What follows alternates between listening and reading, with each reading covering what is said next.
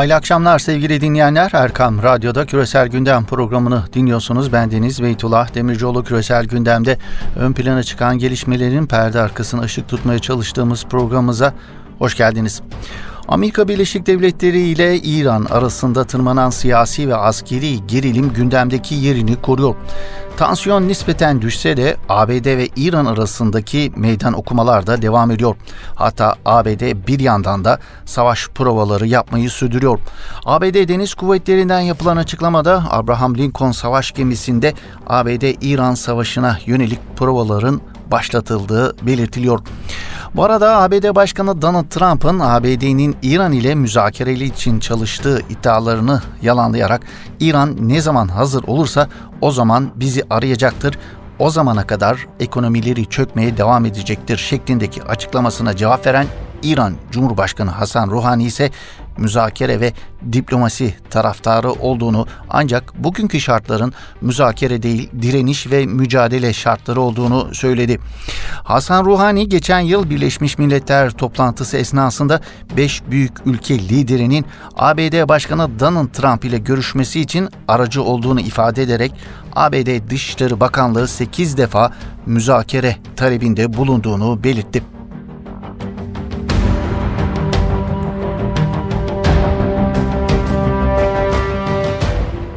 Evet Körfez'deki gerilim devam ederken kendisine yönelik savaş istiyor suçlamasına cevap veren Trump, ülkede sürekli olarak savaş isteyen bir kesimin olduğunu söylemesi oldukça dikkat çekti. Amerika Birleşik Devletleri'nin Fox News televizyonuna konuşan Trump, sunucunun İran ile bir çatışmanın peşinde olmadığınıza dair halka güvence verebilir misiniz sorusuna şu cevabı veriyor. 19 yıldır devam eden bu savaşlarla ilgili konuşan benim. İnsanlar halen oradalar. Kendinizi kandırmayın. Bu ülkede bir askeri endüstriyel kompleks var. Bunlar sürekli savaş istiyorlar cevabını verdi. DAEŞ'in sözde hilafetini bitirdiğini ve ABD askerlerini Suriye'den geri getirmek istediğini anlatan Trump şu ifadeleri de sözlerine ekliyor. Suriye'den askerlerimizi geri getirmek istiyorum diyorum. İnsanlar çılgına dönüyor. Şu Washington'da öyle insanlar var ki hiçbir yerden çıkmak istemiyorlar. Tamam geride birkaç yüz asker bırakacağım diyorum artık. Ama onlara kalmış olsaydı binlerce asker daha gönderirlerdi. Günün birinde insanlar bunu anlatacak. Bir grup var asker endüstri kompleksi deniliyor. Onlar hiçbir yerden çıkmak istemiyorlar. Sürekli savaş istiyorlar. Hayır ben savaş istemiyorum ama İran gibi durumlar oluyor. Onların nükleer silah elde etmelerine müsaade etmeyiz ifadelerini kullanmış Fox News'e verdiği röportajında Trump.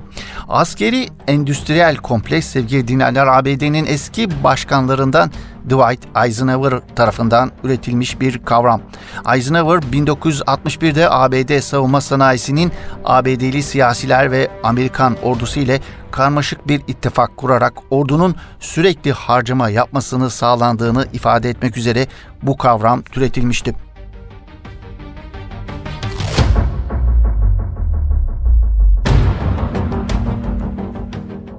Evet, ABD Başkanı Donald Trump savaş isteyenin kendisi değil, ABD'deki askeri endüstriyel kompleks olduğunu söylüyor. Bu endüstrinin en önemli adamlarından biri olarak da Trump'ın ulusal güvenlik baş danışmanı John Bolton olduğunu söylemek mümkün. İran ile girilen ilişkilerin arkasındaki isim olarak ön plana çıkan Trump'ın ulusal güvenlik baş danışmanı Bolton'un yaklaşık 20 senedir ABD'nin İran ile bir savaşa girmesini istediğini belirten The Guardian yazarı Ben Armustar, Trump'ın güvenlik baş danışmanı Bolton'ı dünyadaki en tehlikeli insan olarak tanımlıyor. 2015 yılında New York Times'a İran'ın bombalarını durdurmak için İran'ı bombalayın başlıklı bir köşe yazısı yazan Bolton'un bu duruşunun değişmediğini savunan ABD basınına göre de Bolton, Trump'ı İran ile savaşa girmeye ikna etmeye çalışan isimlerin başında geliyor. New York Times'ın 17 Mayıs'taki sayısı Başkan İran ile savaş istemediği konusunda ısrarcı manşetini kullanmıştı. Diğer Amerikan gazetelerinde de benzer ifadeler kullanılmıştı. ABD medyası kadar Amerikalı siyasiler de Bolton'u savaş çıkarmakla suçluyorlar. Bağımsız senatörlerden Bernie Sanders, Bolton tıpkı Irak'ta yaptığı gibi yalan söyleyerek bizi savaşa sokmak istiyor ifadelerini kullanıyor. Bolton, ABD'nin Irak'ı işgal kararında büyük rol oynamıştı. George W. Bush yönetiminin Birleşmiş Milletler Büyükelçisi olarak savaşın en büyük destekçilerinden biriydi John Bolton.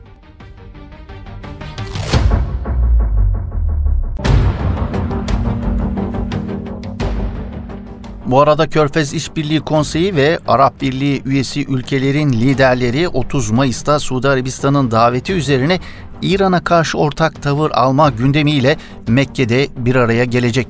Suudi Arabistan'da geçen salı iki petrol pompa istasyonuna drone saldırısı düzenlenmesi ve geçen pazar ikisi Suudi Arabistan'a ait dört ticari geminin Birleşik Arap Emirlikleri karasuları yakınlarında sabotaja uğramasının ardından söz konusu zirvelerin düzenlenmesi kararlaştırıldığı belirtiliyor. Zirveden nasıl bir sonuç çıkacağı merak konusu. Riyad yönetimi İran'a nokta operasyon istiyor. Suudilerin güvenlik ve istikrar toplantılarını Mekke'de düzenlemesi ise İran kuşatmasına dini bir anlam yükleme gayreti olarak yorumlanıyor siyasi analizlerde.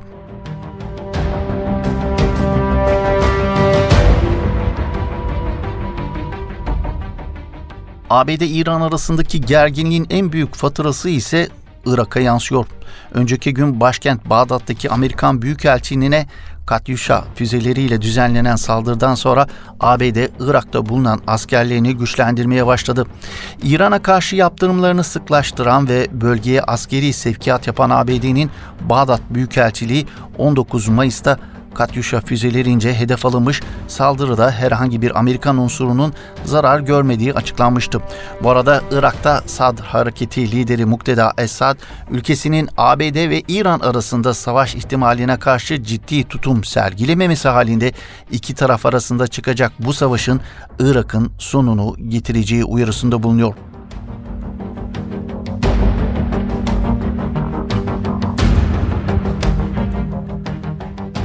Evet Amerika Birleşik Devletleri ile İran arasında Körfez'deki yükselen tansiyondan geçiyoruz. ABD Çin arasındaki ekonomi savaşlarına.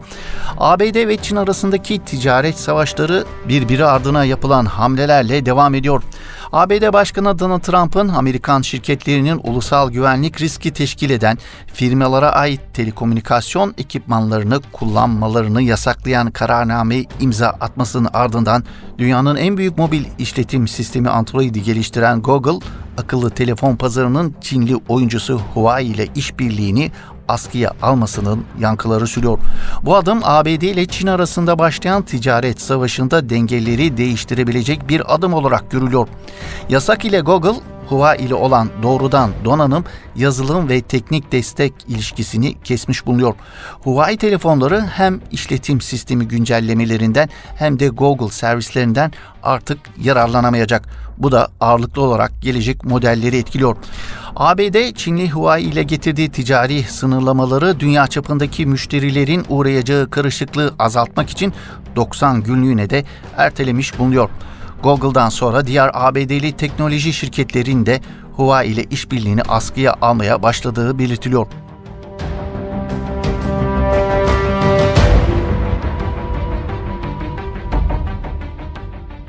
Bu arada Trump'ın Çin'e açtığı ekonomi savaşından etkilenen kimi Amerikalı şirketler ise isyanda. Aralarında Nike ve Adidas gibi büyük ayakkabı üreticilerinin de bulunduğu 170'ten fazla şirket Çin'e uygulanacak ek gümrük vergileri konusunda ABD Başkanı Trump'a hitaben bir mektup kalem aldı. Mektupta Trump'a söz konusu vergiyi uygulamama çağrısı yapılarak ayakkabı sektöründe Çin'e uygulanan verginin %25'e çıkarılması müşterilerimiz, şirketlerimiz ve Amerikan ekonomisi için yok edici olacaktır uyarısında bulunuyor 170 Amerikan şirketi.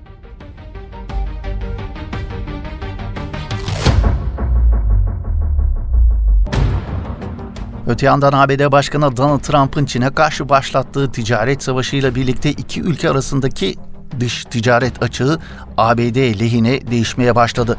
Seçildiği günden bu yana Çin'in ABD ile olan ticarette kur manipülasyonu başta olmak üzere birçok şekilde haksız rekabet ettiğini ve bunun ABD ekonomisine zarar verdiğini belirten Trump, Çin ürünlerine koyduğu gümrük vergisi sonucu 2018'in ilk çeyreğinde Çin'e karşı verilen 91.1 milyar dolarlık dış ticaret açığını bu yılın aynı döneminde 79.9 milyar dolara düşürdü.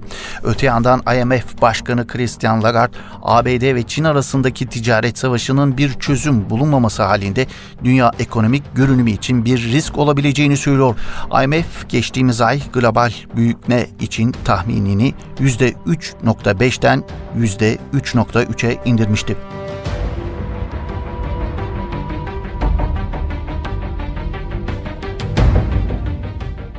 Evet geçiyoruz Doğu Akdeniz'in ısınan sularına. Fransız donanması da Kıbrıs'a demir atmaya hazırlanıyor. Akdeniz'in yeni sıcak noktası Kıbrıs'ta bir sıcak adım daha geldi. Türkiye, Yunanistan ve İngiltere'nin garantör devlet olarak asker bulundurduğu adaya şimdi de Fransız donanması çapa atmaya hazırlanıyor. Adada İngilizlerin bir hava üssü, bir de deniz üssü bulunuyor. Rum basınına yansıyan haberlere göre Rum yönetimi ve Fransa arasında adada bir Fransız deniz üssü kurulması konusunda anlaşmaya varıldı. Anlaşmaya göre Fransa donanması Rum sözde parsellerindeki doğalgaz çalışmalarının güvenliğini de sağlayacak. Çakışan alanlara yönelik muhtemel Türk müdahalelerini de göğüsleyecek. 6 ay içinde hayata geçirilmesi planlanan askeri anlaşmanın ilk etabı için Fransız uzmanlar deniz üssünün inşa edileceği Vasiliko bölgesinde çalışmaya başlayacak. Fransa ile Rum kesim arasında imzalanan 9 maddelik askeri anlaşmanın maddeleri arasında Fransız Deniz Kuvvetleri Türkiye'nin Rum sözde parsellerinde faaliyet gösteren Fransız petrol şirketi Total'e yönelik muhtemel müdahalelerini göğüsleyecek edilecek maddesi dikkat çekiyor. Fransa, Rum yönetiminin deniz kuvvetlerinin modernizasyonu ve güçlendirmesine de yardımcı olacak.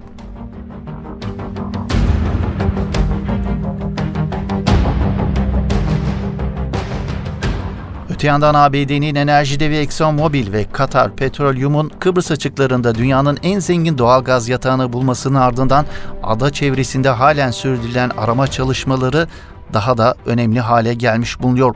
Zengin petrol ve doğal gaz yataklarının haricinde ada Avrupa enerji nakil yolları içinde stratejik bir konumda. Uzun süre Kıbrıs Rum yönetimiyle oldukça iyi ilişkileri bulunan Rusya'da Kıbrıs'ta deniz üssü hayali kuran ülkelerden biri. Moskova ile Lefkoşa arasındaki pazarlıklar NATO ve Avrupa Birliği'nin sert uyarıları sonucu sonuçsuz kalmıştı. Rusya'dan son 20 yılda Kıbrıs Rum kesimine 30 milyar dolardan fazla para transfer edildiği biliniyor.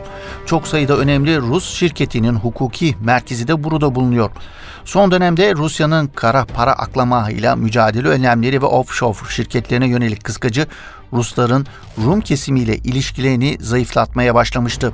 2013'te Kıbrıs Rum bankaları batarken mevduatların üçte birinin Ruslara ait olduğu bildirilmişti.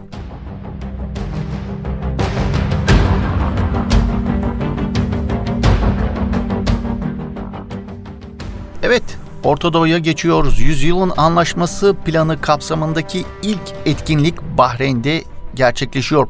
ABD'nin Filistinlilere çözüm diye dayattığı ve ilanı Ramazan ayı sonrasına bırakılan yüzyılın anlaşmasının resmen açıklanması bekleniyor.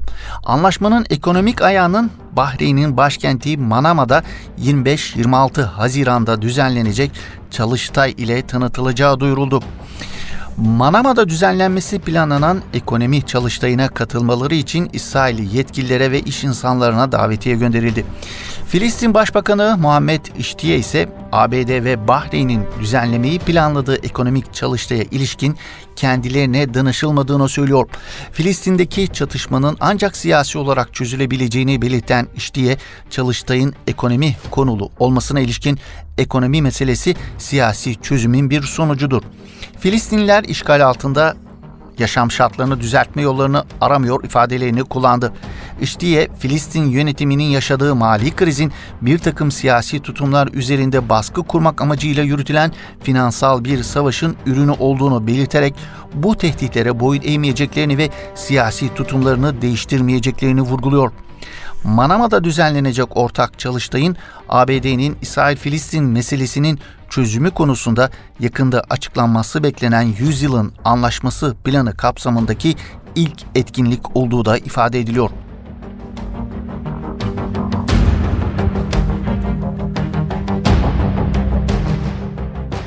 Evet yüzyılın anlaşması henüz açıklanmasa da İsrail medyası anlaşmanın önemli maddelerini yayınlamıştı. Basına sızdırılan maddeler Filistin açısından kabul edilmesi mümkün gözükmüyor. Ordusu olmayan, güvenliğini İsrail'in sağladığı o da parasıyla Kudüs'ü unutun orası İsrail'in hakimiyetinde diyen 6 milyon Filistinli mülteciye ülkelerine geri dönüş hakkı tanımayan Batı Şeria ve Gazze'ye sıkıştırılmış birbirinden kopuk demografik bütünlüğü bulunmayan geçimini başka ülkelerden kiralayacağı topraklarda kurulacak bir Filistin vaat ediyor. Sözüm ona çözüm diye dayatılan yüzyılın anlaşması. Bir de kabul etmeyen tarafa ekonomik ambargo uygulanmasını şart koşuyor yüzyılın anlaşması, ölümlerden ölüm beğen der gibi.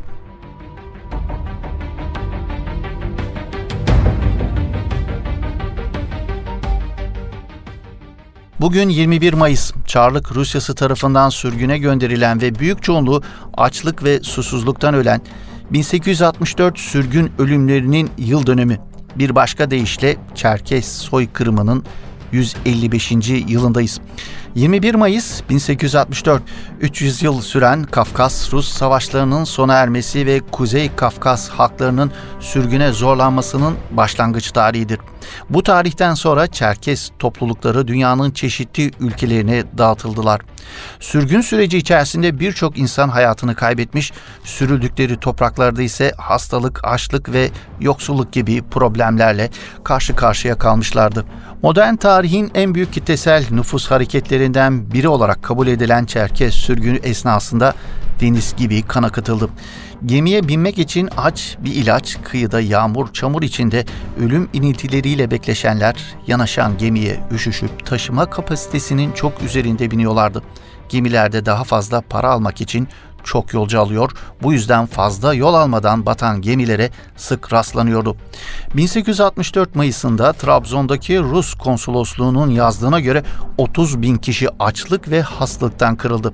Gemilerde hastalık alameti gösteren olursa derhal denize atılırdı. Sürgün yolunda çekilen çileler, yolda telef olanların feci durumları, Trabzon'daki Rus konsolosunun tehcir işlerini idare etmekle görevli olan General Katreçev'e yazdığı raporda şöyle anlatılıyor. Türkiye'ye gitmek üzere Batum'a 70 bin Çerkez geldi. Bunlardan vasati olarak günde 7 kişi ölüyor. Trabzon'a çıkarılan 24.700 kişiden şimdiye kadar 19 bin kişi ölmüştür. Şimdi orada bulunan 63.900 kişiden her gün 180 ila 250 kişi ölmektedir. Samsun civarındaki 110 bin kişi arasında her gün vasati 200 kişi can veriyor. Trabzon, Varna ve İstanbul'a götürülen 4650 kişiden günde 40-60 kişi öldüğü haberini aldım diyor konsolos.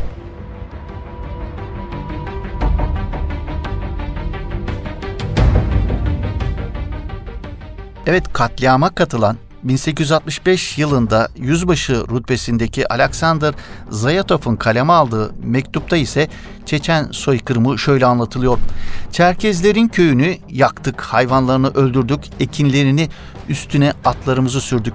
Çocuklarını acımasızca öldürdük ve Çar bize bu katliamları yaptık diye bu onur madalyasını verdi. Hangi onur? Hangi onurlu insan bunları yapar? Ben Tanrı'ya beni affetmesi için her gün yalvarıyorum. Onlar vatanlarını savundular ve yiğit insanlardı. Biz ise insanlıktan çıkmış birer ucubeden farksızlık, elimize esir düşen Çerkezlerle yan yana geldiğimizde sanki biz onların esiri gibi duruyorduk. Onlar ise dimdik, vakur duruşlarından taviz vermiyorlardı, diyor Alexander Zayatov, Çerkez katliamına katılan askerlerden biri olarak ve Tanrı beni affetsin ifadelerini kullanıyor Rus asker.